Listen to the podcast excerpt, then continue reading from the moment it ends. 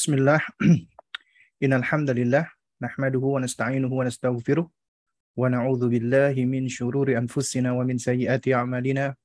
May yahdihillahu fahuwal muhtad wa may yudlil falan tajida lahu mursyida. Asyhadu an la ilaha illallah wahdahu la syarika lah wa anna Muhammadan abduhu wa rasuluh la nabiyya ba'dahu amma.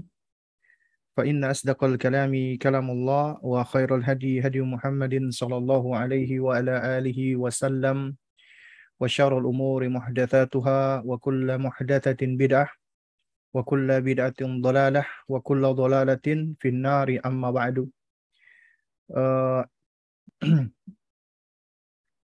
Ikhwatal kiram ya para akhwat dan ummahat rahimani wa rahimakumullah. Alhamdulillah kita bersyukur kepada Allah Subhanahu wa taala di sore hari ini.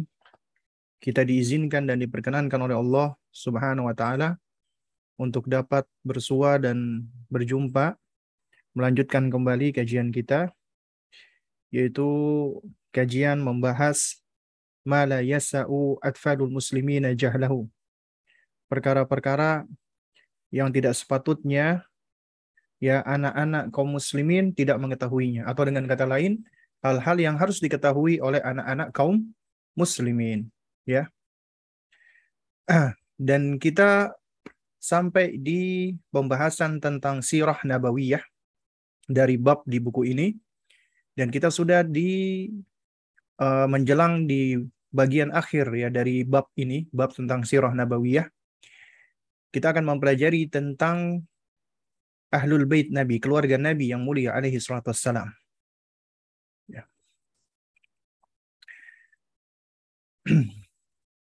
yaitu di pertanyaan ke-29 dan pertanyaan 30. Baik. Sebagai seorang muslim, apalagi ahlu sunnah, wajib bagi kita untuk mencintai Rasulullah dan keluarga beliau. Nah, keluarga beliau itu biasa disebut dengan ahlul bait. Kata ahlu, ya, itu kalau kita lihat dari bahasa Arab ya, kalau kita lihat dari bahasa Arab, itu dari kata ahila ya'halu, ahlan wa uhulan. Ya. Nah, jika dikatakan ahlul zaman, artinya penghuni zaman tersebut. Ahlul makan, penghuni tempat, suatu tempat. Jika dikatakan Ahlul Madinah berarti dia penghuni kota. Ahlul Makkah berarti penghuni Mekah. Demikian pula apabila dikatakan Ahlul Islam berarti penganut Islam. Ya. Ahlul Ilhad berarti dia apa penganut ajaran ilhad, mulhid, ya ateisme. Juga apabila dikatakan ahlul bait artinya adalah penghuni rumah. Maksudnya adalah keluarga. Nah, jadi apabila kata ahl ini diidhofahkan atau dikaitkan eh, dengan satu kata, maka dia bermakna sesuai dengan konteksnya. Seperti misalnya ketika dikatakan ya ahlul hadis. Ya, berarti mereka adalah orang-orang yang mengikuti hadis Nabi wasallam. Dan mereka adalah orang-orang yang memiliki concern terhadap hadis Nabi wasallam jadi para ulama-ulama yang menelaah dan meneliti hadis Nabi. Atau ahlu sunnah. Berarti mereka adalah orang-orang yang berusaha untuk mengikuti sunnahnya Nabi yang mulia alaihissalam. Ahlul athar. Mereka adalah orang-orang yang mengikuti asarnya para sahabat Nabi dan para salaf. Ya. Atau misalnya di, dikatakan ahlud dar. Berarti dia adalah sang pemilik rumah. Ya. Jadi sesuai dengan konteks dari kata ahl itu dikaitkan. Jika dikaitkan dengan al-bait atau rumah, berarti penghuni rumah. Maksudnya berarti orang yang tinggal di rumah. Kita tahu di rumah itu ada ketua, ada pemimpin, yaitu laki-laki. Kemudian ada asistennya pemimpin, yaitu istri. Dan ada anak-anak dan juga ada orang-orang lain yang tinggal di rumah tersebut. Karenanya dikatakan bahwasannya warrojulu ra'in ya wa huwa mas'ulun an ra'iyatih. Laki-laki adalah pemimpin dan dia akan diminta pertanggungjawaban atas apa yang dipimpinnya. Wal mar'atu ra'iyah. Wanita juga pemimpin. Wahia mas'ulah ya yaitu fi baiti zaujiha. Dia adalah pemimpin di rumah suaminya. Ya. Nah, juga demikian bahwasanya yang namanya laki-laki adalah dia pemimpin di rumahnya. Jadi makanya keluarga sering kali disebut dengan ahlul bait. Namun menurut istilah dari para ulama ketika dikatakan ahlul bait maka ulama ahlu sunnah berpendapat mereka adalah alun nabi keluarga Nabi Shallallahu Alaihi Wasallam yang mana mereka diharamkan untuk menerima sodakoh, diharamkan untuk memakan sodakoh. Artinya Nabi Wasallam dan keluarganya itu tidak boleh memakan sodakoh, tidak boleh menerima sodakoh. Karenanya di dalam riwayat hadis Nabi yang mulia alaihi wasallam kita dapati ketika cucunya Nabi ya Al Hasan atau Al Husain ya saya lupa ya. Ketika ya beliau ketika masih kecil ya mendapati kurma sodakoh, kemudian memasukkan kurma ke dalam mulutnya, Nabi segera ya mendekatinya, kemudian Nabi segera meminta agar Al Hasan atau Al Husain memuntahkannya. Nabi mengatakan kih kih, ya cih cih muntahkan muntahkan. Kemudian Nabi mengatakan ya Ama alimta tidakkah engkau ketahui nak bahwasanya kita tidaklah boleh menerima atau memakan sodakoh. Jadi keluarga Nabi tidak boleh menerima sodakoh. Nah ini sekaligus sebagai bantahan bagi mereka-mereka yang punya penyakit hati, kedengkian dan hasad terhadap Islam yang berpendapat atau mengatakan bahwasanya ya Rasulullah Shallallahu Alaihi Wasallam itu mencari harta, ingin mengumpulkan kekayaan. Itu semua terbantahkan. Karena kita tahu Nabi bukanlah orang yang kaya raya, bahkan rumah beliau kecil. Ya. Sampai-sampai Sayyiduna Umar mengunjungi rumah Nabi menangis. Saking miskinnya Rasulullah. Umar aja menangis. Ya. Melihat Rasulullah dan tinggal di rumahnya beralaskan ya seperti pelepah kurma yang meninggalkan bekas di tulang rusuk Rasulullah. Dan juga Nabi tidak pernah mau menerima sodakoh. Karena sodakoh haram untuk beliau dan keluarga beliau. Ini berbeda dengan sebagian, mohon maaf ya, kelompok-kelompok sesat saat ini. Di mana mereka berkelompok, membentuk jamaah, kemudian mengumpulkan harta untuk memperkaya diri mereka. Dengan sebutan humus atau yang semisalnya. Dikumpulkan, Kemudian untuk apa? Memperkaya diri. Wal billah. Makanya Nabi SAW dan keluarga Nabi nggak boleh memakan sodakoh, menerima sodakoh. Dan yang dimaksud tentang keluarga Nabi di sini, mereka adalah pertama dari keluarga Ali, Alu Ali. Kemudian Alu Ja'far. Kemudian Alu Akil dan Alu Abbas. Ya, yaitu keluarga Ali, keluarga Ja'far, bin Abi Thalib, keluarga Akil bin Abi Thalib dan keluarga Al-Abbas. Ya. Pamannya Nabi SAW. Maka mereka itu disebut dengan siapa? Dengan Ahlul Bait. Sebagian ulama menambahkan lagi keluarga Bani Harith bin Abdul Muttalib. Sebagian ulama lagi menambahkan termasuk istri-istri beliau dan anak-anak dari istri Nabi. Ya, itu termasuk Ahlul Bait. Artinya ada nanti kita sebutkan istri Nabi yang punya anak dari suami sebelumnya karena Nabi menikahi janda seperti contohnya Ummu Salamah punya anak bernama Umar ya. Nah, itu juga termasuk ahlul bait Nabi. Ini menurut ya pendapat yang lebih kuat termasuk keluarga Nabi meskipun memang ada khilaf di antara para ulama. Karena ada yang tidak memasukkan istri Nabi sebagai ahlul bait. Tapi menurut pendapat yang kuat secara etimologi secara bahasa dan juga secara istilah. Istri Nabi itu seharusnya dan sepatutnya masuk ke dalam sebutan Ahlul Bait. Ya, Ahlul Bait. Karena sebagaimana Allah berfirman kepada Nabi kita, "Wa'mur ahlaka bis-salati wastabir 'alaiha." Perintahkanlah keluargamu. Ahlaka artinya keluarga, yaitu berarti istri Nabi dan anak-anaknya untuk sholat dan bersabarlah di atasnya. Juga demikian ketika Allah berfirman ya agar uh, istri-istri Nabi itu taat di dalam surat Al-Ahzab ayat 33 Allah mengatakan ya wa ati'na Allah wa rasulah dan taatilah Allah dan Rasulnya wahai para wanita innama yuridullah liyudhiba ankum rijsa ahlal baiti wa yutahhirukum tathira. Karena sesungguhnya Allah bermaksud untuk menghilangkan rijis kotoran, najis dari kalian wahai ahlul bait. Ya, di sini Allah menyebutkan ya ya ini yakni liyudhiba ankum rijza ahlal baiti.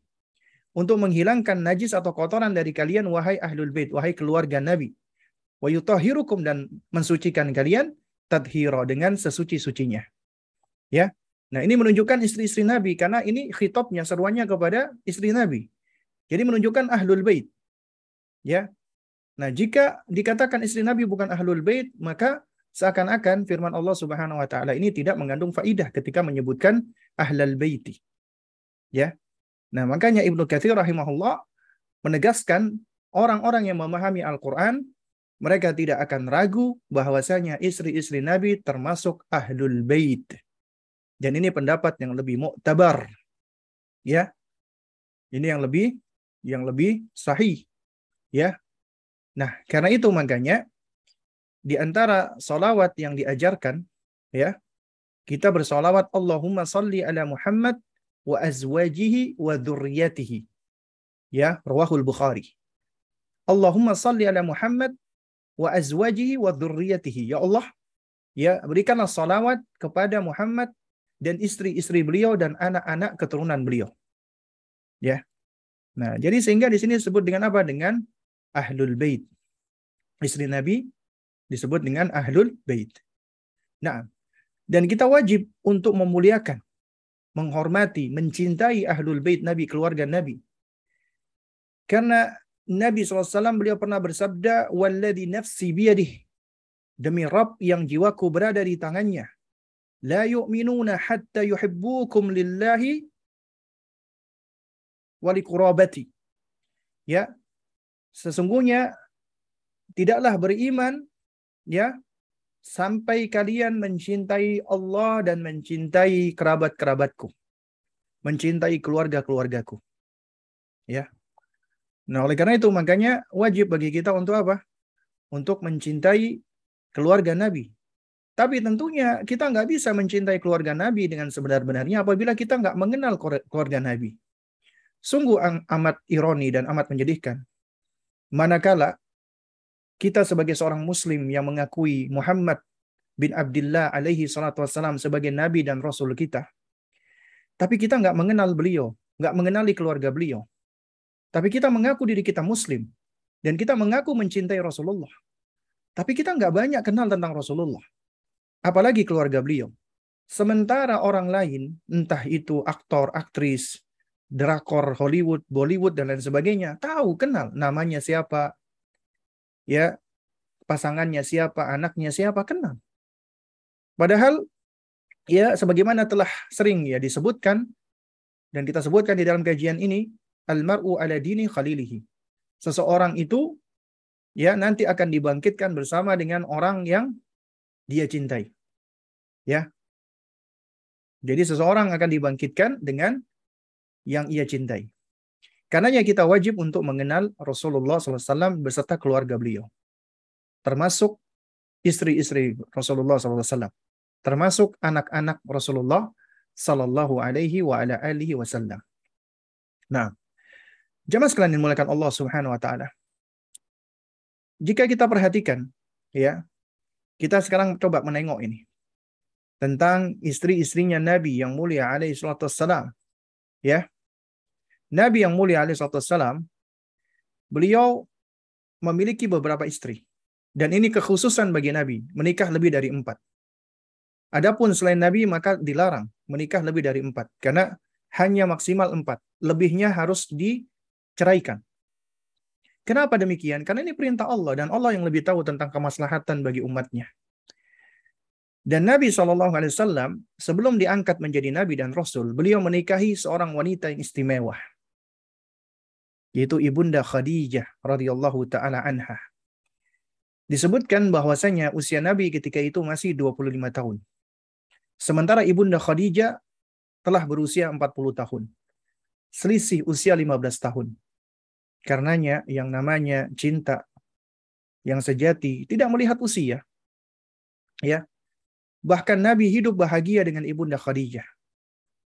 Dan Ibunda Khadijah pun juga begitu bahagia tinggal dengan Rasulullah. Begitu mempercayai dan mencintai Rasulullah. Alaihi salatu wassalam. Ya. Dan ini kita bisa lihat ketika menikahnya Nabi dengan Khadijah radhiyallahu taala anha Allah berikan kepada Nabi putra dan putri. Ya, nanti akan kita sebutkan ini yaitu dua anak laki-laki bernama Qasim dan Abdullah. Qasim dan Abdullah. Kemudian juga meninggalkan empat anak perempuan bernama Zainab, Ruqayyah, Ummu Kulthum, dan Fatimah. Ya, dan Fatimah. Nah, selama Nabi menikah dengan Ibunda Khadijah radhiyallahu taala anha, Nabi belum berpoligami. Ya. Nabi belum berpoligami. Dan Ibunda Khadijah radhiyallahu taala anha adalah satu-satunya ya maksud saya adalah wanita yang pertama kali secara mutlak manusia yang pertama kali secara mutlak mengimani Rasulullah. Ya. Setelah uh, apa namanya Rasulullah menerima wahyu dari Allah yang pertama kali mengimani adalah istrinya Ibunda Khadijah. Ini menunjukkan betapa Ibunda Khadijah begitu mempercayai suaminya. Ya, baru kemudian setelah itu Ali radhiyallahu taala anhu mengimani Rasulullah. Kemudian sahabat Nabi Abu Bakar radhiyallahu taala anhu di antaranya mengimani Rasulullah. Kemudian orang-orang yang berada di rumah Nabi, putri-putri beliau, budak mantan budak ya. Ya, seperti apa namanya? Seperti uh, Zaid bin apa Harithah. Ya. Jadi mereka hampir semua masuk Islam. Ini menunjukkan betapa yang namanya dakwah pendidikan itu diawali dan dimulai dari rumah. Ya. Diawali dan dimulai dari rumah. Nah. Lalu kemudian ya jika kita perhatikan di dalam sejarah kebersamaan Nabi yang mulia alaihissalam bersama dengan ibunda Khadijah itu kurang lebih selama 25 tahun. Selama 25 tahun. Nah, karenanya ketika Nabi Shallallahu Alaihi Wasallam itu di tahun ke-9 menjelang ke-10 ya atau udah tahun ke-10 Hijriah, maka Ibunda Khadijah radhiyallahu taala anha pun wafat. Itulah yang menjadikan Nabi merasakan kesedihan yang luar biasa. Sehingga disebut dengan apa? Amul Huzni. Tahun kesedihan. Ya. Tapi kalau kita lihat dari sejarahnya Rasulullah SAW di dalam pernikahannya, itu yang paling panjang itu adalah Ibunda Khadijah radhiyallahu taala anha. Beliau menikah selama 25 tahun. Ya. Jadi ini adalah yang paling panjang dari rentang pernikahannya Rasulullah dengan istri-istri beliau adalah yang paling panjang bersama dengan Ibunda Khadijah dan dari Ibunda Khadijah lah Rasulullah memperoleh putra dan putri. Lalu kemudian ya ini di pertanyaan yang ke-29. Sebutkan siapa saja istri-istri Nabi, maka di antara istri Nabi adalah Khadijah radhiyallahu taala anha. Nah, kemudian memang disebutkan di sini hanya empat, tapi bukan pembatasan, karena istri Nabi lebih dari ini. Ini disebutkan hanya empat untuk mempermudah bagi anak-anak saja. Tapi perlu bagi kita untuk mengenalkan istri-istri Nabi yang lain. Sebelum Aisyah radhiyallahu taala anha, sebenarnya Rasulullah itu mempersunting dulu seorang wanita yang bernama Saudah bintu Zam'ah. Ya. Jadi ketika Ibunda Khadijah wafat, Nabi sedih. Ya, itu di tahun ke-10 ya ba'dal bi'tsah. Ya afan ya, kalau saya tadi menyebutkan setelah hijrah itu salah ya, tapi tahun ke-10 setelah diangkat menjadi nabi ba'dal bi'tsah. Ya.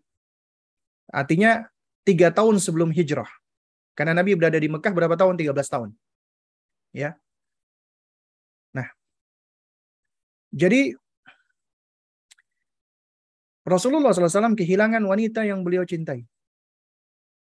Ya. Lalu kemudian Nabi SAW mempersunting seorang wanita yang luar biasa. Wanita yang baik, yang bijak, yang penyayang. Ya, dan kalau kita perhatikan sebenarnya ketika Allah menurunkan ayat tentang hijab itu berbicara kata para ulama ahli tafsir tentang istri Nabi yang bernama Saudah. Ya. Karena awalnya wanita-wanita di zaman dahulu itu belum berhijab seperti hijab yang diperintahkan Allah. Kemudian turunlah ayat hijab.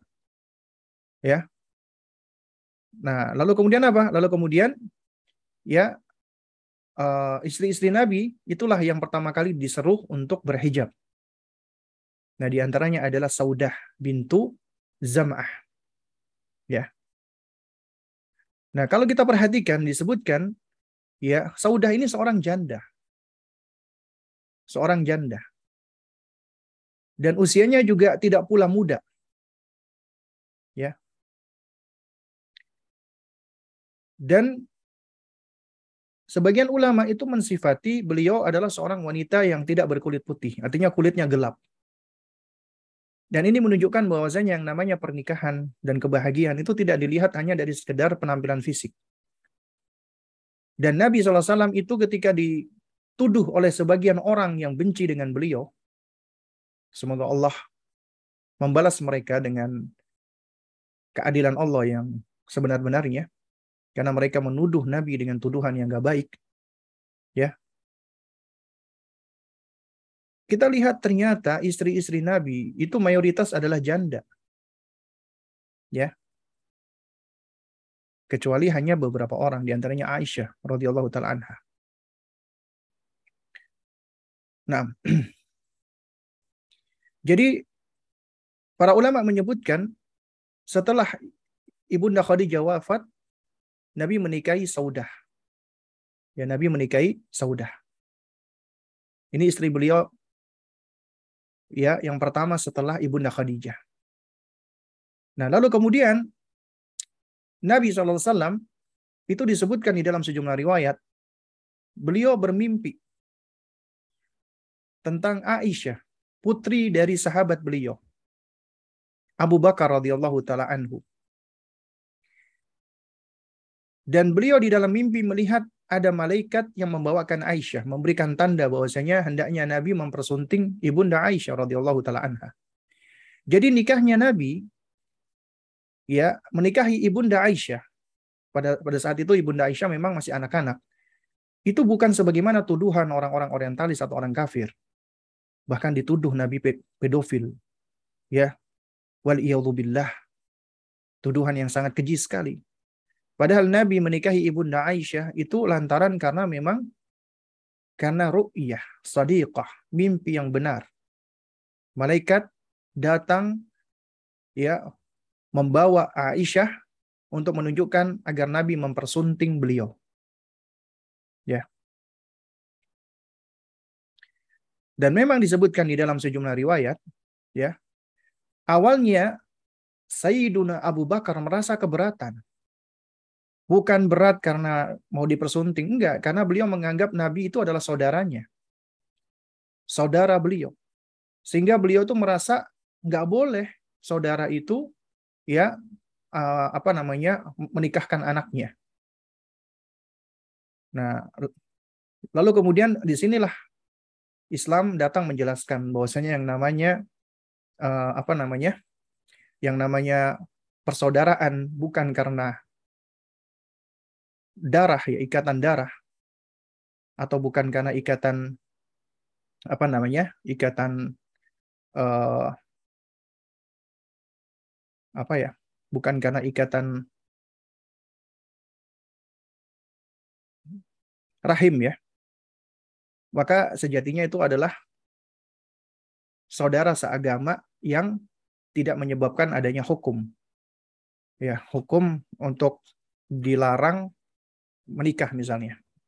Nah, akhirnya hal ini menyebabkan Abu Bakar pun Akhirnya beliau mau untuk menikahkan putrinya.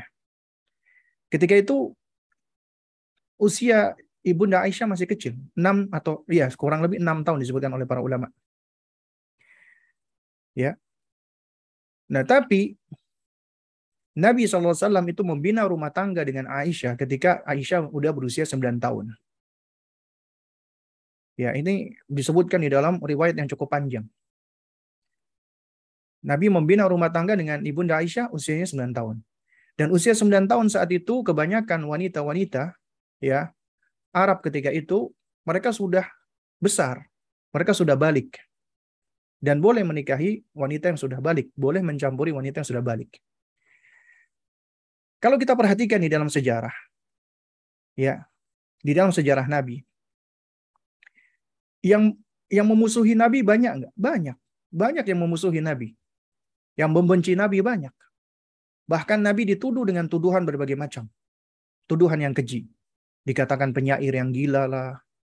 Ya. Syairul majnun. Kemudian dikatakan apa namanya? seorang penyihir dan seterusnya. Tuduhan-tuduhan banyak kepada Nabi. Karena banyak orang yang gak suka dengan Rasulullah. Tapi di dalam sejarah ketika itu tidak ada yang mendapati mereka menuduh Nabi pedofil atau memiliki kelainan seksual. Nggak ada. Artinya apa? Ini para ahli, hatta orang orientalis pun sepakat. Artinya, ketika itu menikahi anak-anak yang memang usianya sudah sudah menjelang balik atau balik, itu sudah masyhur, sudah maklum. Oleh karena itu, makanya tidak layak kita, ya, maksudnya menggambarkan atau membandingkan apa yang dilakukan oleh Nabi dengan anak-anak di zaman sekarang. Karena nggak sama. Ya. Nah, oleh karena itu, ya, apa namanya, uh, tuduhan-tuduhan terhadap Rasulullah tentang beliau dikatakan pedofil wal billah. Ya semoga Allah membalas mereka yang menuduh Nabi kita dengan tuduhan yang keji ini dengan sebaik-baiknya balasan dari Allah sesuai dengan keadilan Allah. Karena sejatinya Nabi menikahi ibunda Aisyah itu karena ru'yatus sadiqah, mimpi. Tentunya mimpi dari Allah. Dua kali bahkan Nabi bermimpi. Malaikat datang ya membawa di dalam mimpinya Aisyah agar Nabi mempersunting ibunda Aisyah radhiyallahu taala anha. Ya. Dan Ibunda Aisyah pun menjadi salah satu istri Nabi yang paling Nabi cintai.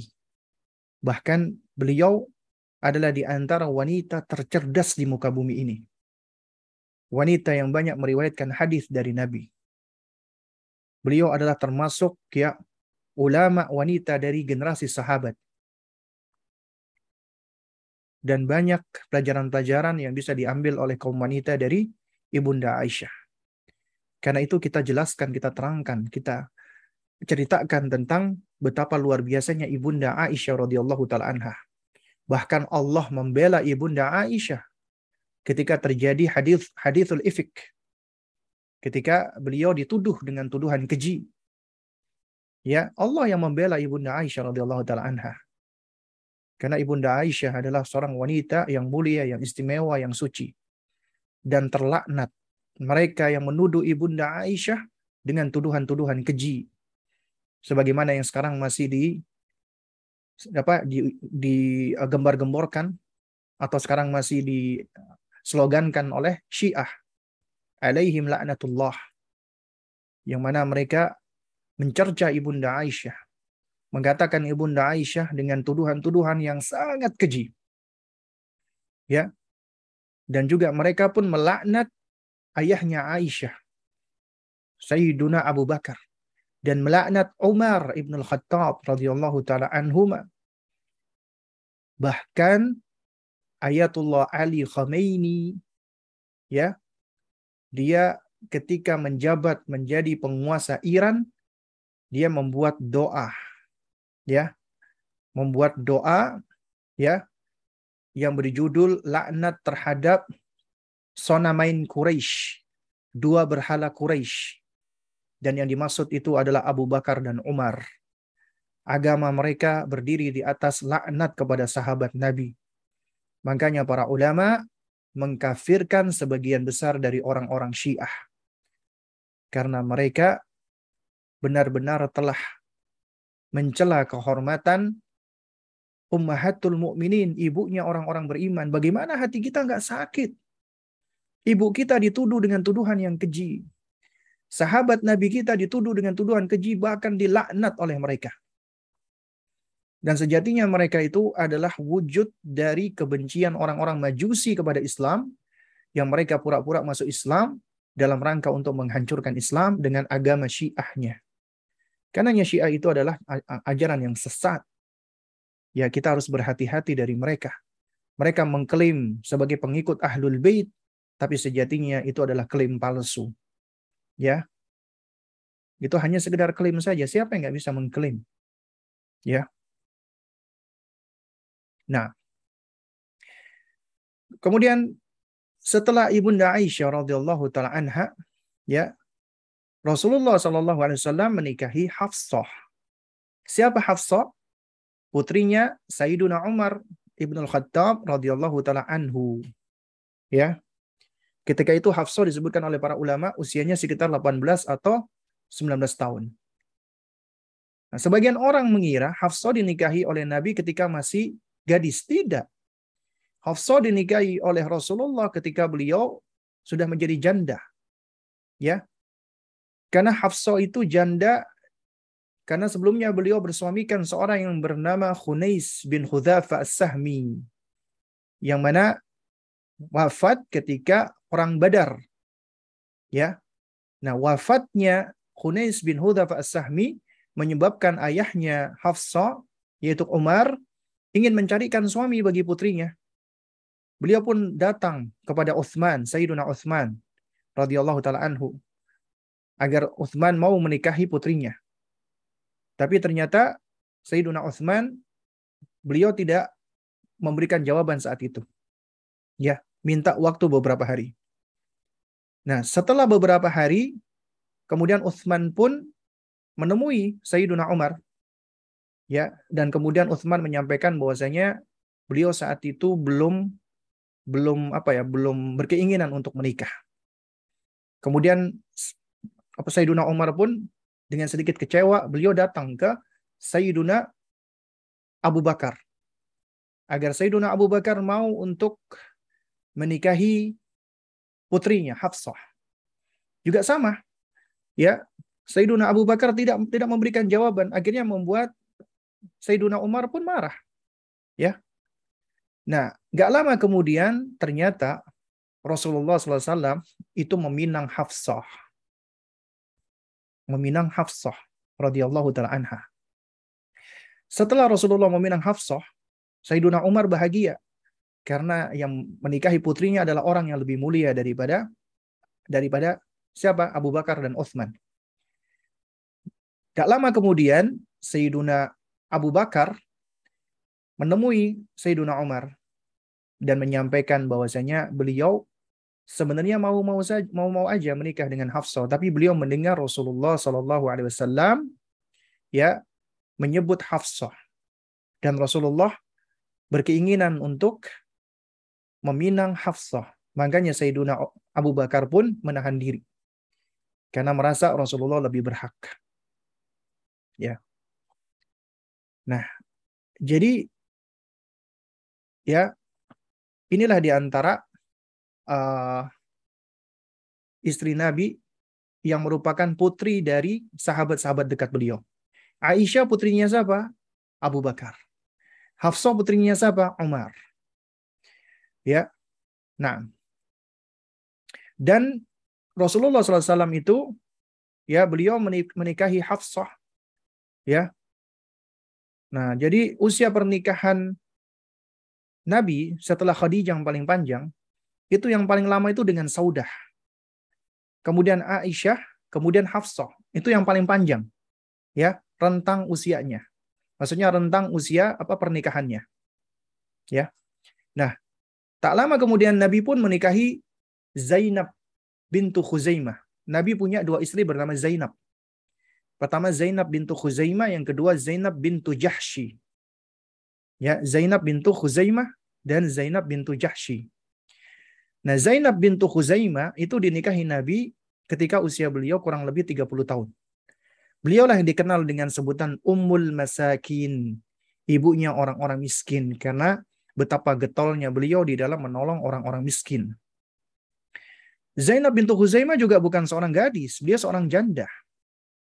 Ya, suaminya syahid di perang Badar, yaitu bersama bernama siapa? Ubaidah ibnul Harith. Ya. Nah, setelah Ubaidah ibnul Harith syahid, tidak lama kemudian Nabi melamar Zainab bintu Khuzaimah. Tapi pernikahan Nabi dengan Zainab bintu Khuzaimah singkat. Disebutkan oleh para ulama kurang lebih hanya tujuh atau delapan bulan saja. Karena setelah itu beliau wafat meninggal dunia. Baru kemudian setelah itu beliau menikahi Ummu Salamah wanita yang cerdas, wanita yang pinter dan jenius. Salah satu wanita yang menjadi juru bicaranya kaum wanita saat itu. Ummu Salamah. Nama aslinya siapa? Hindun bintu Abi Umayyah. Beliau dinikahi Nabi ketika usianya 20-an ya, 28 atau 29 tahunan. Ya. Dan Ummu Salamah ini termasuk ya wanita yang berasal dari kalangan elit. Ya, dari Bani Al-Mughirah. Itu termasuk kalangan elit. Ya. Nah, apa namanya? Beliau memiliki suami yang sangat mencintai, Ummu Salamah. Bernama Abdullah, dikenal dengan Abu Salamah. Namun beliau syahid di perang Uhud. Ya. Ketika suaminya meninggal dunia, Ummu Salamah merasa bahwasanya satu-satunya laki-laki yang beliau cintai adalah Abu Salamah. Sehingga ketika Sayyiduna Abu Bakar, Sayyiduna Umar datang meminang beliau, beliau tolak semuanya. Hingga akhirnya Rasulullah pun meminang beliau. Awalnya beliau merasa enggan, berat hati. Bukan karena menolak Nabi, karena beliau merasa tidak pantas. Beliau mengatakan bahwasanya beliau adalah seorang janda yang punya anak dan seterusnya. Namun Nabi muliakan beliau. Akhirnya beliau pun menjadi salah satu ummahatul mukminin. Salah satu ya ibunya orang-orang beriman. Nah, di antaranya Ummu Salamah ini ya punya beberapa anak. Makanya dikatakan Ummu Salamah karena punya anak namanya Salamah. Di antaranya juga punya anak bernama Umar. Umar bin Abi Salamah. Semua anaknya adalah anak dari suaminya, Abu Salamah. Dan akhirnya menjadi anak sambungnya Rasulullah. Makanya tadi ulama berbeda pendapat, apakah anak sambungnya Rasulullah ini termasuk ahlul bait? Kalau istri-istri Nabi dikatakan ahlul bait, maka demikian pula anak-anak dari istri beliau juga dimasukkan ke dalam ahlul bait. Nah, di antara riwayat hadis yang diriwayatkan oleh Umar bin Abi Salamah ketika beliau masih kecil tentang adab makan di mana Umar bin Abi Salamah ketika itu berada di pangkuan Nabi, dia masih kecil dan beliau ya me, apa namanya? memanjangkan tangannya ya, maksudnya untuk untuk memegang-megang pinggan makanan. Nah, kemudian Nabi SAW itu memberikan nasihat, nasihat yang luar biasa. Jadi kalau kita lihat anak misalnya, ya tangannya itu berusaha menjangkau-jangkau makanan, eh yang sopan dong. Jangan kayak gitu. Ya itu kita. Tapi Nabi enggak. Diingatkan dengan keindahan, dengan kelemah lembutan. Ya gula wahai. Ya, samillah. Ucapkan bismillah dulu. Kul biyaminik, makan dengan tangan kananmu. Wa kul mimma yalik, dan makan apa yang dekat denganmu. Itu caranya Rasulullah alaihi wassalam. Semenjak itu Umar bin Abi Salamah mengatakan, aku selalu ya mengamalkan apa yang dinasihatkan oleh Rasulullah. Ya. Baru kemudian setelah itu Nabi menikah dengan ya Zainab bintu Jahshi. Kalau tadi Zainab bintu Khuzaimah, sekarang Nabi menikah dengan Zainab bintu Jahshi. Itu termasuk salah satu sepupunya Rasulullah. Ya, alaihi salatu wassalam. Ya. Nah, Zainab bintu Jahsy itu adalah wanita yang cantik jelita. Dan juga termasuk sepupu Rasulullah. Dan kecantikan beliau itu yang sering kali menyebabkan Ibunda Aisyah itu sering kali cemburu. Karena ya menurut para ulama kecantikannya Zainab bintu Jahsy itu nggak kalah sama kecantikannya Aisyah radhiyallahu taala anhunna. Ya. Awalnya Nabi menikahkan Zainab bintu Jahsy dengan mantan budak yang beliau angkat menjadi anaknya, anak angkat Nabi bernama Zaid bin Harithah. Hanya saja Zaid bin Harithah ini adalah seorang yang berkulit hitam dan seterusnya. Ya. Nah, lalu Nabi SAW menikahkan, tapi Zainab ternyata tidak tertarik dengan Zaid bin Harithah. Namun karena ini perintah Nabi akhirnya menikah. Ya, Nah, lalu kemudian ya nggak lama kemudian akhirnya Zainab dan Zaid pun bercerai, pisah. Ini menunjukkan bahwasanya yang namanya perceraian itu tidak mesti adalah suatu hal yang buruk, yang jelek. Karena kadang-kadang ada suatu kemaslahatan di dalamnya. Sebagaimana yang dialami oleh Zainab dan Zaid. Dan Allah ketika menguji seseorang, misalnya dengan perpisahan. Apabila dia benar-benar di dalam uh, apa namanya di dalam pernikahannya, bersatunya dan berpisahnya karena Allah, biasanya Allah akan ganti dengan yang lebih baik. Karenanya ketika Zaid bercerai dengan Zainab bintu Jahsy, maka Nabi pun mempersunting Zainab bintu Jahsy. Ya. Awalnya hal ini menyebabkan masyarakat Quraisy itu heboh Nabi menikahi menantunya, putri dari anaknya. Karena ketika itu dikenal Zaid bin Haritha itu adalah anaknya Rasulullah, anak angkat. Ya, makanya sering kali disebut dengan Zaid bin Muhammad. Nah, Islam datang itu meluruskan hal ini. Artinya anak angkat itu nggak bisa menempati status seperti anak kandung. Dalam hal kemahroman, waris, dan yang semisalnya. Gak bisa. Karenanya anaknya dari apa istri dari dari Zaid bin Haritha itu halal bagi Nabi Wasallam. Makanya Nabi sempat diolok-olok dan diejek, tapi Allah Subhanahu Wa Taala membela Nabi. Ya, Allah yang membela Nabi dan memperbolehkan Nabi untuk menikahi Zainab bintu Jahsy. Nah, dari Zaid bin Haritha ini ya Z akhirnya menikah, kemudian memiliki anak yang luar biasa, cerdas, pinter, kuat, ya sigap, dan memiliki fisik yang hebat. Usama bin Zaid. Makanya di perang Mu'tah kedua, Nabi SAW menjadikan Usama bin Zaid yang usianya masih belasan tahun menjadi panglima perang, memimpin sahabat-sahabat senior. Itu menunjukkan bahwasanya Nabi adalah sosok yang ngerti tentang kelebihan-kelebihan sahabatnya. Ngerti tentang keunikan dan kelebihan sahabatnya. Nah, lalu kemudian Nabi SAW ya menikahi ya uh, ulama berbeda pendapat ya tentang Raihanah bintu Zaid bin Amr yaitu salah seorang dari Yahudi ya nah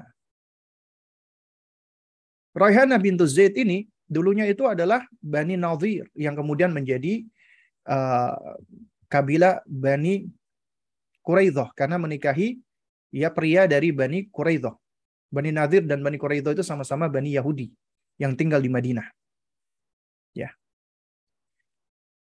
Nah, ketika Nabi mengusir bangsa Yahudi karena memang bangsa Yahudi senang atau mereka itu biasa berkhianat, ya Nabi mengusir Bani Nadir, Bani apa Quraidah.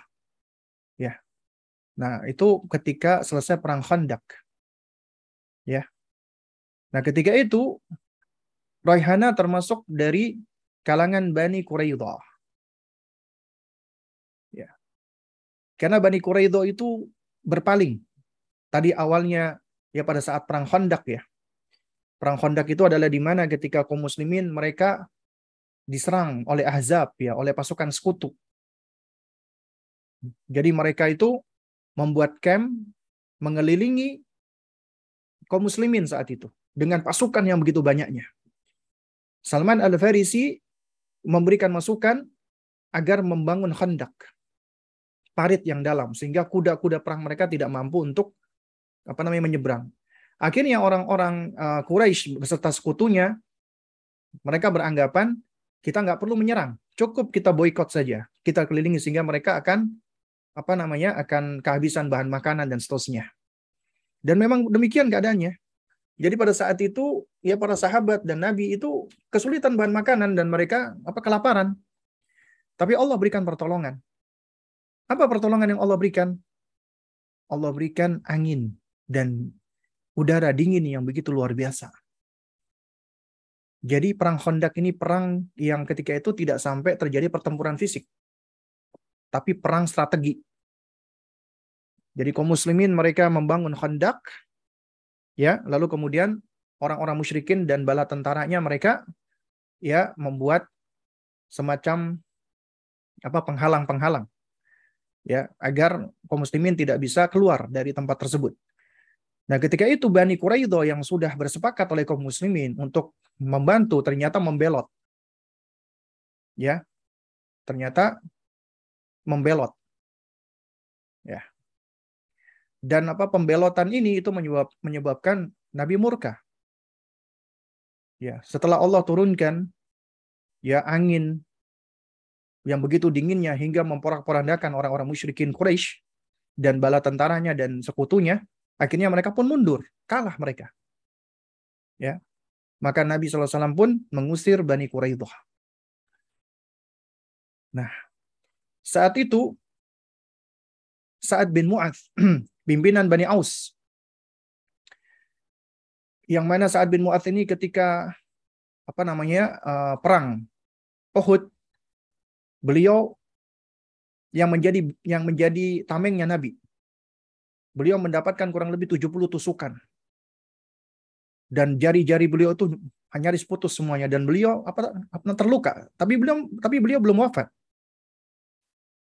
Nah, ketika itu beliaulah yang diminta untuk menjadi penghukum atas Bani Quraidah. Dalam kondisi sakit yang luar biasa, beliau pun bangkit. Dan beliau memerintahkan semua ya laki-laki dari Bani Quraidah dihukum mati. Sementara anak-anak anak-anak ya dan perempuan-perempuan dan orang tuanya dijadikan tawanan. Dan gak lama kemudian saat bin Mu'adz wafat meninggal dunia menyebabkan Nabi menjadi sedih. Saat bin Mu'az itu pembesar dari kalangan ya Ansor dari Bani Aus. Beliau seorang pemberani luar biasa. Beliau masuk Islam usianya 31. Meninggal dunia usianya 37 tahun. Hanya enam tahun usia keislaman beliau. Tapi Nabi ketika wafatnya Sa'ad bin Mu'az, Nabi mengatakan, ya, ihtazza arsyullah. Arsnya Allah bergoncang. Dan 70 ribu malaikat itu bertakziah. Mengucapkan bela sungkawa atas kematian Sa'ad bin Mu'az. Padahal keislaman beliau hanya enam tahun.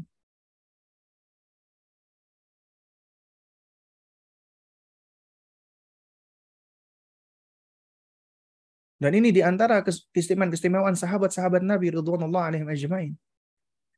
Karena betapa saat bin Mu'ad, beliau rela menjadikan tubuhnya sebagai tameng bagi Nabi. Agar Nabi selamat dari serangan ketika itu di perang Uhud. Beliau jadikan tubuhnya sebagai tameng hingga 70 tusukan itu menusuk tubuhnya. Belum lagi sabetan-sabetan. Hingga tubuhnya luka semuanya.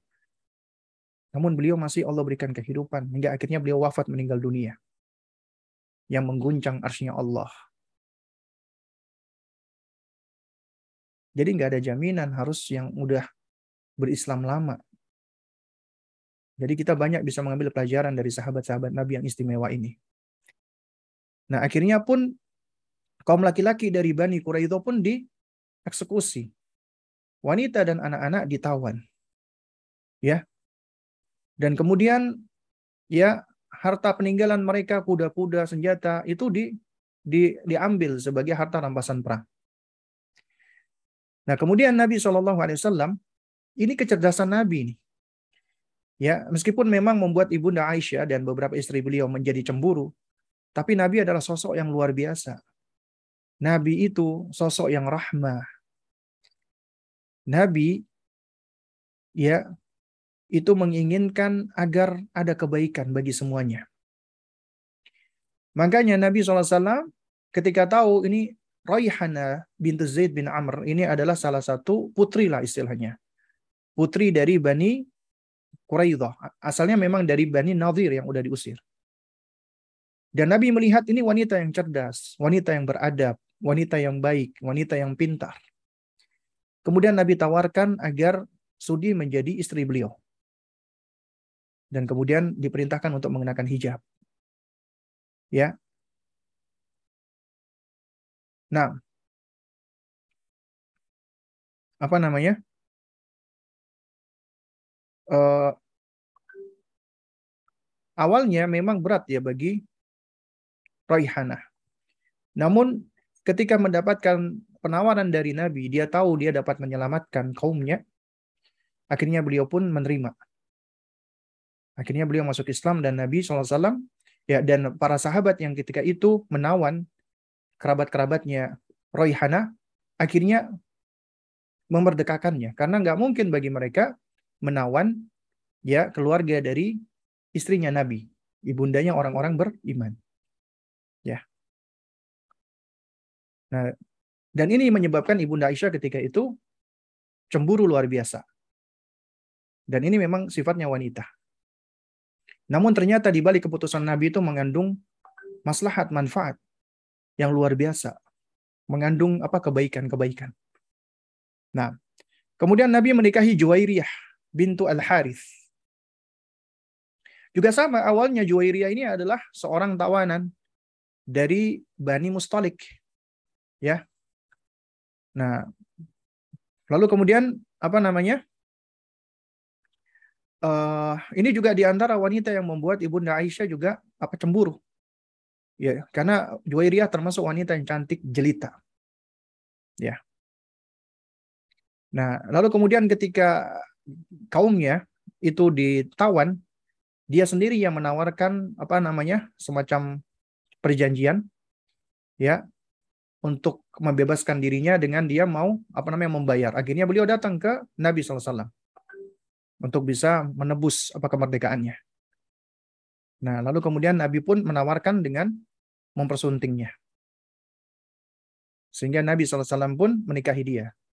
Dan akhirnya juga sama, sahabat melihat, tuh, ini adalah istrinya Nabi. Akhirnya keluarganya di apa namanya di merdekakan. Yang tadinya dijadikan tawanan, tawanan berarti budak ya. Maka di apa merdekakan. Makanya Juwairiyah itu di antara wanita yang istimewa. Ya.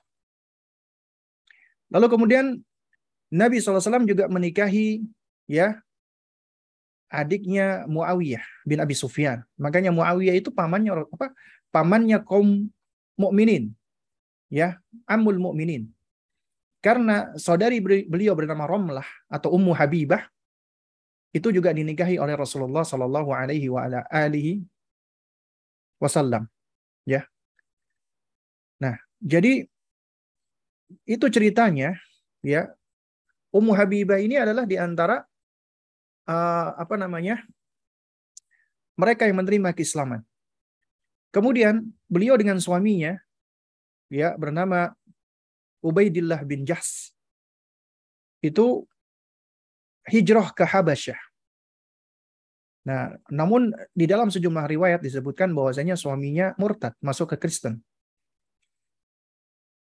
Nah, setelah Nabi mendengarkan dan, dan setelah masa iddah, ya, Nabi SAW itu mempersuntingnya. Ya, mempersunting siapa? Mempersunting uh, siapa namanya? Romlah bintu Abi Sufyan. Ya. Nah, dan ketika itu sebenarnya disebutkan oleh para ulama, Romlah bintu Abi Sufyan masih berada di Habasyah, Ethiopia, Abenisia kalau kalau orang-orang menyebutkannya, ya. Dan Raja Nejus, Najasyi, itu sebenarnya sudah Islam. Ketika beliau tahu Romlah ini dipersunting oleh Nabi, beliau pun bahagia, senang dikasihkan hadiah oleh Raja Habasyi. Beliau di, di apa dikasih uang ya sebanyak 400 dinar. Ya. Dan kemudian ketika uh, Romlah binti Abu Sufyan itu pulang menuju ke Madinah, kemudian beliau menceritakan apa yang dialami oleh beliau dan beliau menceritakan tentang bagaimana keadaan di Habasyah, gereja-gerejanya dan banyaknya gambar-gambar yang ada di sana. Ya, Nah, lalu kemudian di situlah Nabi SAW itu menyebutkan bahwasanya ya bahwa mereka itulah orang-orang yang ittakhadhu apa kubur anbiya'ihi masajid. Mereka adalah orang-orang yang menjadikan makam-makam kuburan-kuburan para nabi dan orang-orang soleh mereka sebagai tempat sujud, sebagai masjid-masjid. Ya.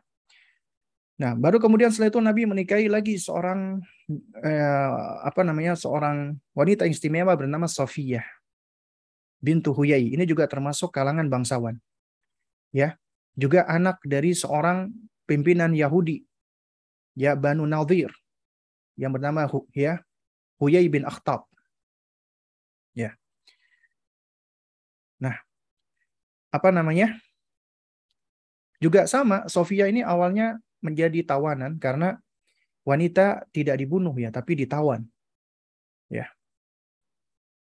Lalu kemudian ya uh, Sofia ini itu pada awalnya itu dimiliki oleh sahabat Nabi uh, sahabat Nabi maksud saya yang bernama Dhihya. Dhihya al-Kalbi. Ya. Nah, kemudian ini menyebabkan sahabat yang lain melaporkan kepada Nabi, "Ya Rasulullah, Dhihya mengambil ya tawanan dari putri apa kepala kabilah Bani Nadir." Ya. Ya, maksud mereka itu seharusnya yang apa yang seperti ini itu adalah haknya Nabi SAW. Ya. Nah, jadi apa namanya? Uh, singkat cerita ya akhirnya Dihya pun apa namanya menghantarkan Sofia dan kemudian Sofia pun dipersunting oleh Rasulullah Shallallahu Alaihi Wasallam. Ya.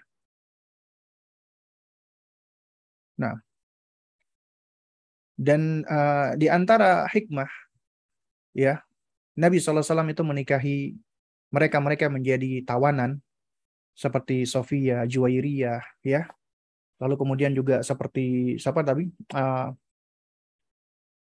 Raihana. Itu ternyata ada hikmah yang besar.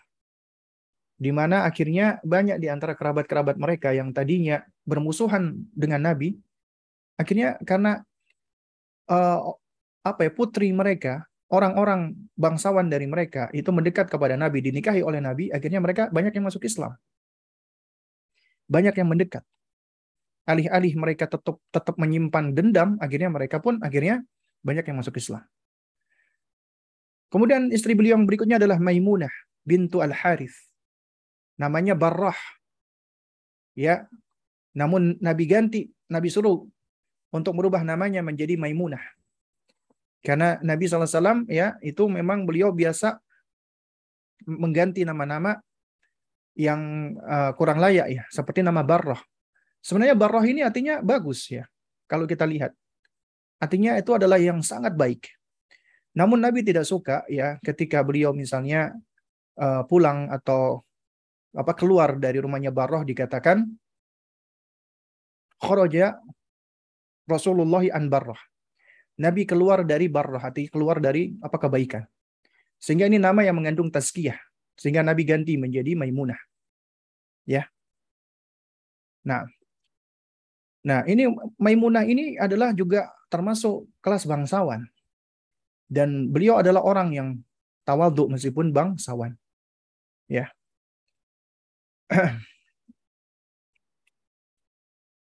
Lalu kemudian uh, juga di antara istri Nabi ya, itu sebagian ulama itu menganggap bukan istri tapi imaknya Nabi. Imak itu budak karena di zaman itu memang di apa namanya diperbolehkan ya akan adanya budak ya. Namun sebagian ulama yang lain itu juga menyebutkan istri Nabi bernama Maria. Ya. Maria bintu Syam'un al-Kibtiyah. Ya. Jadi beliau adalah uh, seorang wanita yang dikirimkan oleh Mukaukis ya ketika itu menjadi penguasa Egypt Mesir. Makanya dikatakan oleh apa dikatakan al-Qibtiyah. Ya. Nah. Dan dari Maria bintu Syam'un ini ya Nabi nikahi lahirlah putra Nabi yang membuat Nabi begitu bahagia. Bernama Ibrahim. Ya bernama Ibrahim. Jadi anak laki-lakinya Nabi ada tiga. Ya. Anak laki-lakinya Nabi Al-Qasim, Abdullah, dan Ibrahim. Tapi Ibrahim bukan anak dari ibunda Khadijah, tapi anak dari ibunda Maria. Hanya saja semua anak Nabi ini wafat ketika masih kanak-kanak. Umumnya sebelum usia dua tahun sudah wafat. Itu ada hikmah besar. Di antaranya Allah ingin menjaga agama ini. Nah, itu adalah di antara ya nama-nama ya istri-istri Rasulullah Shallallahu alaihi wasallam. Ya. Nah, memang ada disebutkan ya apa di dalam sejumlah sejarah ada wanita-wanita yang nyaris menjadi istrinya Nabi namun tidak jadi. Ya di antaranya adalah Fakitah binti Abi Talib. Ya atau dikenal dengan Ummu Hani. Namun tidak jadi. Ya dinikahi oleh Rasulullah juga ada lagi yang bernama Asma bintu Nu'man. Ya. Nah, jadi ini adalah sebagian ya yang bisa kita sampaikan tentang istri-istri Nabi. Nah, kita lanjutkan sedikit. Anak-anak Rasulullah Sallallahu Alaihi Wasallam. Anak laki-laki Nabi itu ada tiga. Yang pertama adalah Al-Qasim. Dikatakan Al-Qasim, ya, makanya Nabi SAW disebut dengan Abul Qasim. Ya, bapaknya Al-Qasim. Itu anak pertamanya Rasulullah Sallallahu Alaihi Wasallam dari ibunda Khadijah. Ya, dan Al-Qasim wafat ketika di usia masih dibuai. Artinya ketika sebelum genap dua tahun. Ya. Lalu kemudian adiknya Al-Qasim bernama Abdullah. Ya, bernama Abdullah. Kalau Al-Qasim disebut dengan Al-Tahir, Abdullah disebut dengan At-Tayyib. At-Tayyib. At-Tayyib itu artinya yang baik. Juga sama. Beliau wafat ketika masih anak-anak ya, ketika masih usia dua atau tiga tahun. Adapun Ibrahim adalah putra Nabi dari Ibunda Maria Al-Qibtiyah. Ya. Dan Ibrahim ini apa namanya? Uh, Nabi SAW ketika kelahirannya itu begitu bahagia. Namun sekali lagi Ibrahim wafat sebelum Ibrahim itu menginjak usia uh, kanak-kanak ya. Artinya ketika masih usia apa namanya disusuin Ibrahim itu meninggal dunia. Jadi semua anak laki-laki Nabi itu wafat dalam keadaan masih kecil, masih bayi. Di antara hikmahnya adalah Allah ingin menjaga agama kita, agama Islam dari yang namanya pengkultusan. Karena sangat mungkin apabila anak-anak keturunannya Rasulullah ini yang laki-laki ya itu masih hidup Kan berarti kan kalau laki-laki masih hidup berarti kan nasabnya kepada laki-laki. Maka sebagian dari kaum muslimin yang jauh dari agama akan mengkultuskan mereka. Bahkan akan berlebihan di dalam memuliakan mereka sebagaimana ya saat ini kita saksikan banyak di antara kaum muslimin yang mereka terlalu berlebihan di dalam memuliakan Banu Alawiyin yang dikatakan keturunan dari Sayyidina Ali atau dikenal dengan Ba'alawi. Ya. Jadi mereka terlalu mengkultuskan secara berlebihan. Dan alhamdulillah di antara hikmahnya Allah jaga agama kita, agama, agama kita ini dengan Allah wafatkan putra-putranya Rasulullah Shallallahu Alaihi Wasallam itu nggak lepas dari hikmah. Dan ini tentunya adalah suatu hal yang secara manusiawi ya bagi Nabi apa suatu yang menyedihkan. Siapa yang nggak sedih ketika anaknya wafat meninggal dunia? Ya, namun di balik itu ada hikmah yang besar. Kemudian Allah memberikan kepada Nabi empat anak, empat putri. Ya, ini disebutkan oleh penulis Fatimah, Ruqayyah, Ummu Kulthum dan Zainab. Sebenarnya kalau kita perhatikan di dalam uh, buku-buku uh, sirah nabawiyah itu yang lebih tua adalah Zainab. Ya. Itu putri pertamanya Nabi Shallallahu alaihi wasallam. Ya. Karena Zainab ini ya itulah uh, yang ketika itu menikah dengan Abdul As bin Rabi. Ya, yang juga merupakan apa saudara sepupu. Nah, Lalu kemudian Sayyidatuna Zainab itu juga di antara anak-anak Nabi ya yang mengikuti Rasulullah. Beliau masuk Islam. Ya. Dan beliau turut hijrah apa ke Madinah. Dan kemudian suaminya juga termasuk yang masuk Islam. Ya. Nah, namun uh, eh, 8 tahun setelah hijrah ya, beliau meninggal dunia. Kemudian anak putri Nabi yang kedua adalah Ruqayyah bintu Rasulullah sallallahu alaihi wasallam. Nah, beliau ini yang menikah dengan Uthman. Sayyiduna Uthman radhiyallahu taala anhu. Namun beliau sakit ketika itu dan beliau meninggal dunia. Ya, itu kurang lebih ketika perang Badar. Beliau wafat meninggal dunia. Kemudian anak Nabi yang ketiga adalah Ummu Kulthum. Ya, Ummu Kulthum. Nah, Ummu Kulthum inilah yang menikah dulunya dengan anaknya Abu Lahab yang bernama Utbah. Ya. Kemudian akhirnya diceraikan.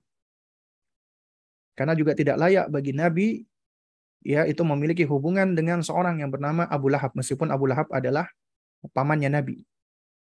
Ya. Nah, kemudian Ummu Kulthum itu dinikahi oleh Uthman setelah ya Ruqayyah wafat.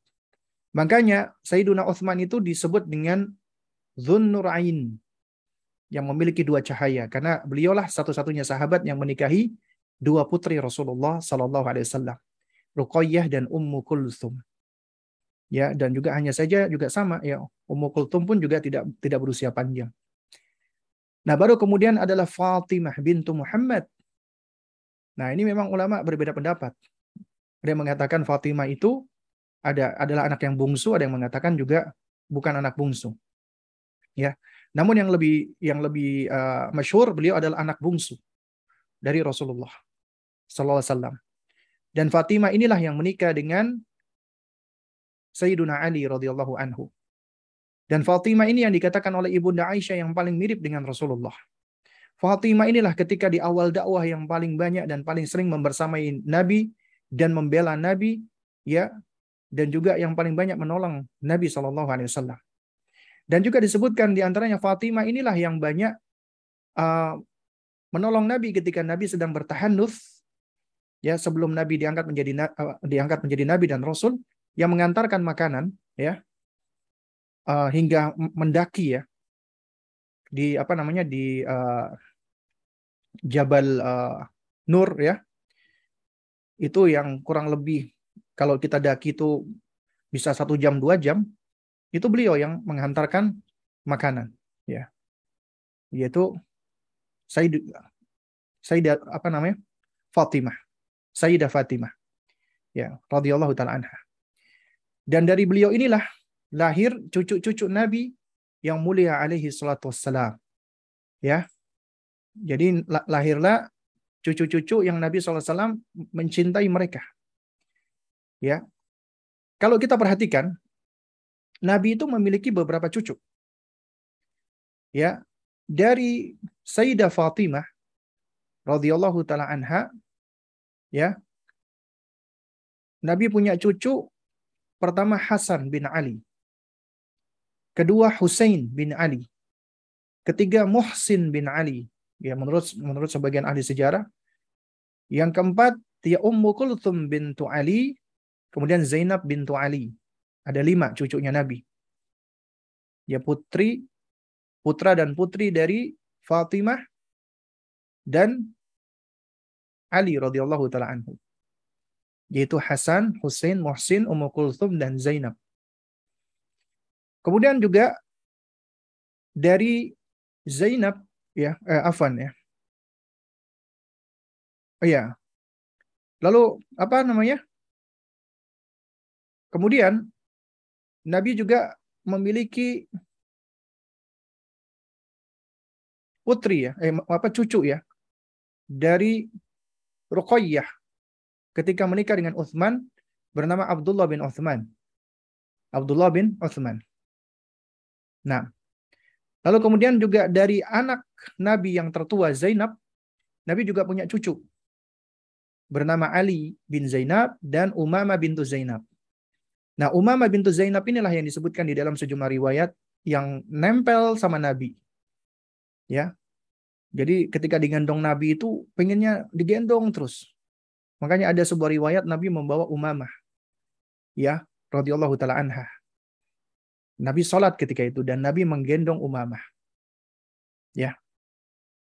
Dan ketika Nabi sujud, maka Nabi letakkan Umamah di dekatnya Nabi. Dan ketika bangkit, Nabi gendong lagi Umamah. Nabi juga beberapa kali membawa Hasan dan Hussein. Dan ketika Nabi sujud, Hasan dan Hussein itu bermain, menaiki punggung Rasulullah. Sehingga pernah Rasulullah itu lama nggak bangkit-bangkit dari sujudnya. Sehingga membuat sebagian sahabat itu bertanya-tanya apakah ada sesuatu, apakah turun wahyu. Sehingga setelah Rasulullah selesai sholat, sahabat bertanya, Ya Rasulullah, apakah engkau tadi ya sujud lama itu adakah sesuatu ataukah turun wahyu kepadamu? Nabi mengatakan tidak. Akan tetapi kedua cucuku ini menaiki aku, menunggangi aku dan aku nggak suka apabila mereka ya apa namanya tidak tidak puas gitu loh. Ini menunjukkan Nabi SAW itu mengerti tentang kebutuhan anak. Ya. Nah, ini adalah di antara keluarga-keluarga Nabi SAW yang yang perlu untuk kita kenali ya, yang perlu untuk kita pahami. Jadi ringkasnya jamaah sekalian melakukan Allah Subhanahu wa taala, Nabi SAW itu memiliki istri. Yang pertama adalah Khadijah radhiyallahu taala anha. Kedua adalah Sauda. Ketiga adalah Aisyah memang sebagian ulama berpendapat apakah Saudah dulu atau Aisyah dulu, tapi pendapat yang lebih kuat adalah Saudah dulu dinikahi oleh Nabi. Baru kemudian ibunda Aisyah radhiyallahu taala anha. Ya. Kemudian setelah itu Hafsah. Kemudian setelah itu ya siapa? Zainab. Ya. Setelah itu Zainab. Zainab ya bintu Khuzaimah ya, Zainab bintu Khuzaimah. Nah, kemudian setelah itu Hindun atau Ummu Salamah. Kemudian itu Zainab bintu Jahshi. Lalu kemudian Juwairiyah. Kemudian Ummu Habibah. Siapa Ummu Habibah? Yaitu uh, putrinya Abu Sufyan. Ya. Lalu kemudian setelah itu Sofiyah, kemudian Maimunah, baru kemudian Maria Al-Qibtiyah. Adapun anak-anak Nabi pertama Qasim, Abdullah, Ibrahim, yaitu dari anak Maria Al-Qibtiyah, kemudian putri Nabi Fatimah, eh, Zainab, Ruqayyah, Ummu Kulthum, dan Fatimah. Nah ini adalah sosok-sosok yang hendaknya kita mengenali, tahu, mempelajari. ya. Dan sebagai orang tua hendaknya kita sudah mengenali, mempelajari, dan menceritakan tentang hal ini. Nah, mungkin ini yang dapat disampaikan. Ya, berikutnya mungkin ada pertanyaan. Ini sudah ada pertanyaan sepertinya. Bagaimana sikap yang tepat terhadap Habib-Habib, oknum Habib-Habib di Indonesia yang akhlaknya kurang baik? Ya, sikapnya adalah kita nggak usah ambil pusing. Karena sikap mereka kan juga tidak tidak tidak apa ya, tidak memberikan apa pengaruh untuk kita. Karena sejatinya kita tidak sepatutnya dipengaruhi oleh orang lain. Ya, selama kita terus belajar memperkuat akidah kita, maka nggak perlu kita itu dipusingkan dengan perbuatan apalagi oknum-oknum meskipun ngaku-ngaku Habib ya. Karena sejatinya yang kita lihat itu bukan hanya status ataupun klaim nasab Habib, tapi yang kita lihat adalah kesesuaiannya dengan Al-Quran dan Sunnah. Tapi apabila itu memang Ahlul Bait Nabi, ya memang terbukti mereka adalah keturunan dari Ali radhiyallahu taala anhu dan mereka adalah orang yang bertakwa, maka tentunya mereka memiliki keutamaan yang lebih. Ya, mereka punya keutamaan ketakwaan dan mereka punya apa keutamaan nasab Sebaliknya, mereka punya keutamaan nasab, keturunan dari Ali radhiyallahu taala anhu. Tapi ternyata mereka bukan orang yang bertakwa. Sebagian ulama menyebutkan itu bahkan dosanya lebih besar. Karena mereka mencoreng nama Rasulullah sallallahu alaihi wasallam. Mencoreng nama Sayyidina Ali radhiyallahu taala anhu. Karenanya nasab itu tidak bisa menolong seseorang. Ya. Dan nggak boleh kita apa namanya membangun penilaian karena fanatik dengan dengan nasab. Meskipun kita turut memuliakan dan menghormati ahlul bait Rasulullah Sallallahu Alaihi Wasallam. Apakah semua istri-istri, anak dan cucu Rasulullah semuanya dijamin masuk surga? Ya, iya, istri-istri Nabi, anak-anak Nabi dan cucu Rasulullah semuanya dijamin masuk surga. Adapun keturunan-keturunan setelahnya tidak ada jaminan. Ya, tidak ada jaminan. Artinya yang ada jaminan adalah mereka-mereka yang memang bersua dengan Nabi dan termasuk sahabat Nabi karena cucu Nabi juga juga termasuk sahabat meskipun cucu statusnya. Ya. Maka semua sahabat Nabi itu adalah udul adil dan masuk surga. Ya. Bagaimana dengan sahabat? Iya, sahabat juga sama. Sahabat secara asal udul dan mereka apa uh, mereka adalah mendapatkan jannah atau surga Allah Subhanahu wa taala. Tidak hanya terbatas yang dikenal dengan 10 sahabat yang dijamin masuk surga. Enggak. 10 sahabat yang disebutkan Nabi masuk surga itu adalah bisyarah. Adalah berita gembira Nabi sebagai bentuk ta'yin. Adapun kemudian selebihnya sahabat-sahabat Nabi, maka secara umum kita katakan mereka termasuk ahlul jannah, tapi kita tidak mentakyin ya satu persatu ya karena semuanya tentunya dikembalikan kepada Allah. Masalah masuk surga atau tidak masuk surga itu haknya Allah, kemudian haknya Rasulullah. Rasulullah yang paling tahu. Tapi secara asal semua sahabat Nabi itu adil, mereka semua bertakwa, ya, eh, dan kita nggak boleh mencerca, menghujat, dan mencela mereka satupun. Nah, bagaimana jika anak usia lima tahun suka menirukan gerak meditasi? Contohnya memejamkan matanya sambil menirukan gerak tangan, ibu jari yang dipertemukan dan jari telunjuk. Seringnya seperti hanya ingin mencari perhatian saja karena asalnya juga anak sepertinya tidak memahami apa arti gerak tersebut dan hanya mengikuti apa yang pernah ia lihat saja. Meskipun sudah diingatkan bahwa dalam Islam tidak ada contohnya melakukan hal tersebut, tapi dilakukan lagi dan lagi. Apakah tidak apa jika kami hiraukan setelahnya? Harapannya dengan tidak ada respon, anak akan berhenti sendiri melakukan itu. Baik. Yang pertama, ya anak memang akan cenderung mencontoh apa yang dia lihat. Nah, karena itu penting bagi kita untuk memperhatikan apa yang menjadi tontonan anak kita. Itu yang pertama. Yang kedua, apabila mereka meniru hal-hal yang bersifat menyimpang, kemaksiatan, apalagi kebitahan atau kesyirikan, maka kita harus ingkari dengan cara yang baik. Apalagi itu kesyirikan. Harus tegas tapi tetap dalam bingkai kebaikan, kelemah lembutan. Adapun gerakan-gerakan ya, gerakan meditasi ya yang sebenarnya itu juga masih ihtimal ya, kayak misalnya duduk bersila dan semisalnya. Ya, jadi kalau dia cuma sekedar duduk dan nggak ada keyakinan apa-apa, itu kan secara asal boleh-boleh saja. Karena bukan termasuk gerakan uh, pure ibadah. Jadi ya udah kita biarkan saja mereka seperti itu. Ya, kita ingatkan mereka tetap seperti itu ingin mencari perhatian, ya sudah, jangan kita perhatikan. Ya, berarti mereka tidak mendapatkan perhatian dari apa yang mereka lakukan, maka mereka akan mengganti dengan sesuatu yang lain sehingga mereka bisa mendapatkan perhatian. Nah, itu di antara cara kita untuk untuk apa namanya mengalihkan. Kalau sekiranya ya mereka kita ingatkan dan mereka mengulangi, kita ingatkan semakin mengulangi, maka kita palingkan diri kita. Kita cuekin ya. Supaya dia apa? Supaya dia tidak terus-terusan mengulang-ulangi hal-hal seperti itu. Ya, nah, wallah alam Masih ada pertanyaan? Sepertinya tidak ada ya. Baik, ini sepertinya tidak ada lagi pertanyaan. Mungkin kita cukupkan dulu sampai di sini ya. dan mudah-mudahan yang sedikit ini bisa memberikan manfaatnya ya. Dan dan uh, mudah-mudahan Allah Azza wa Jalla mengkaruniakan bagi kita semua ilmu yang bermanfaat.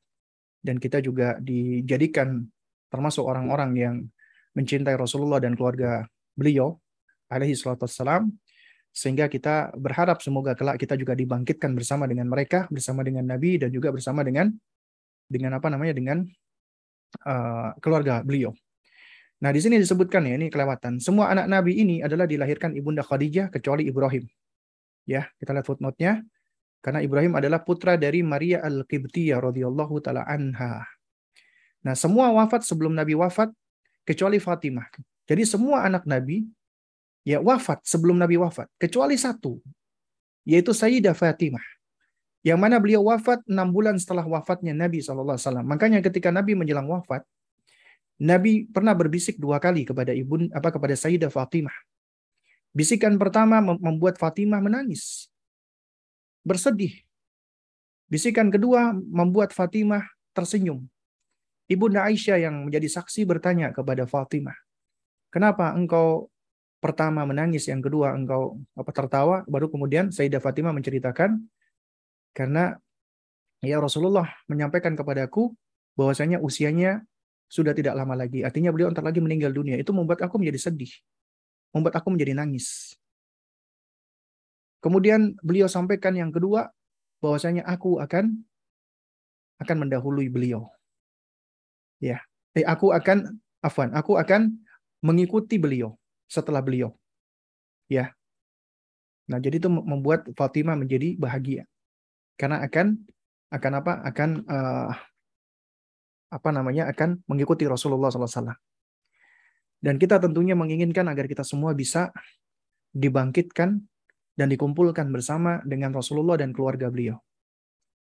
Ya, dan semoga Allah Subhanahu wa taala menjadikan kita semua hamba-hambanya yang mencintai Rasulullah, hamba-hambanya yang menaati perintah-perintah Rasulullah, menjauhi larangan beliau, dan beramal mengikuti sunnah beliau dan menjauhi amalan yang tidak dituntunkan oleh beliau.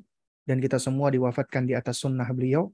Dan Allah menjadikan kita dan keluarga kita termasuk hamba-hamba Allah yang saleh dan saleha yang Allah kumpulkan kerak, eh, yang Allah kumpulkan kelak bersama dengan mereka yaitu di jannahnya Jannatul Firdausil A'la.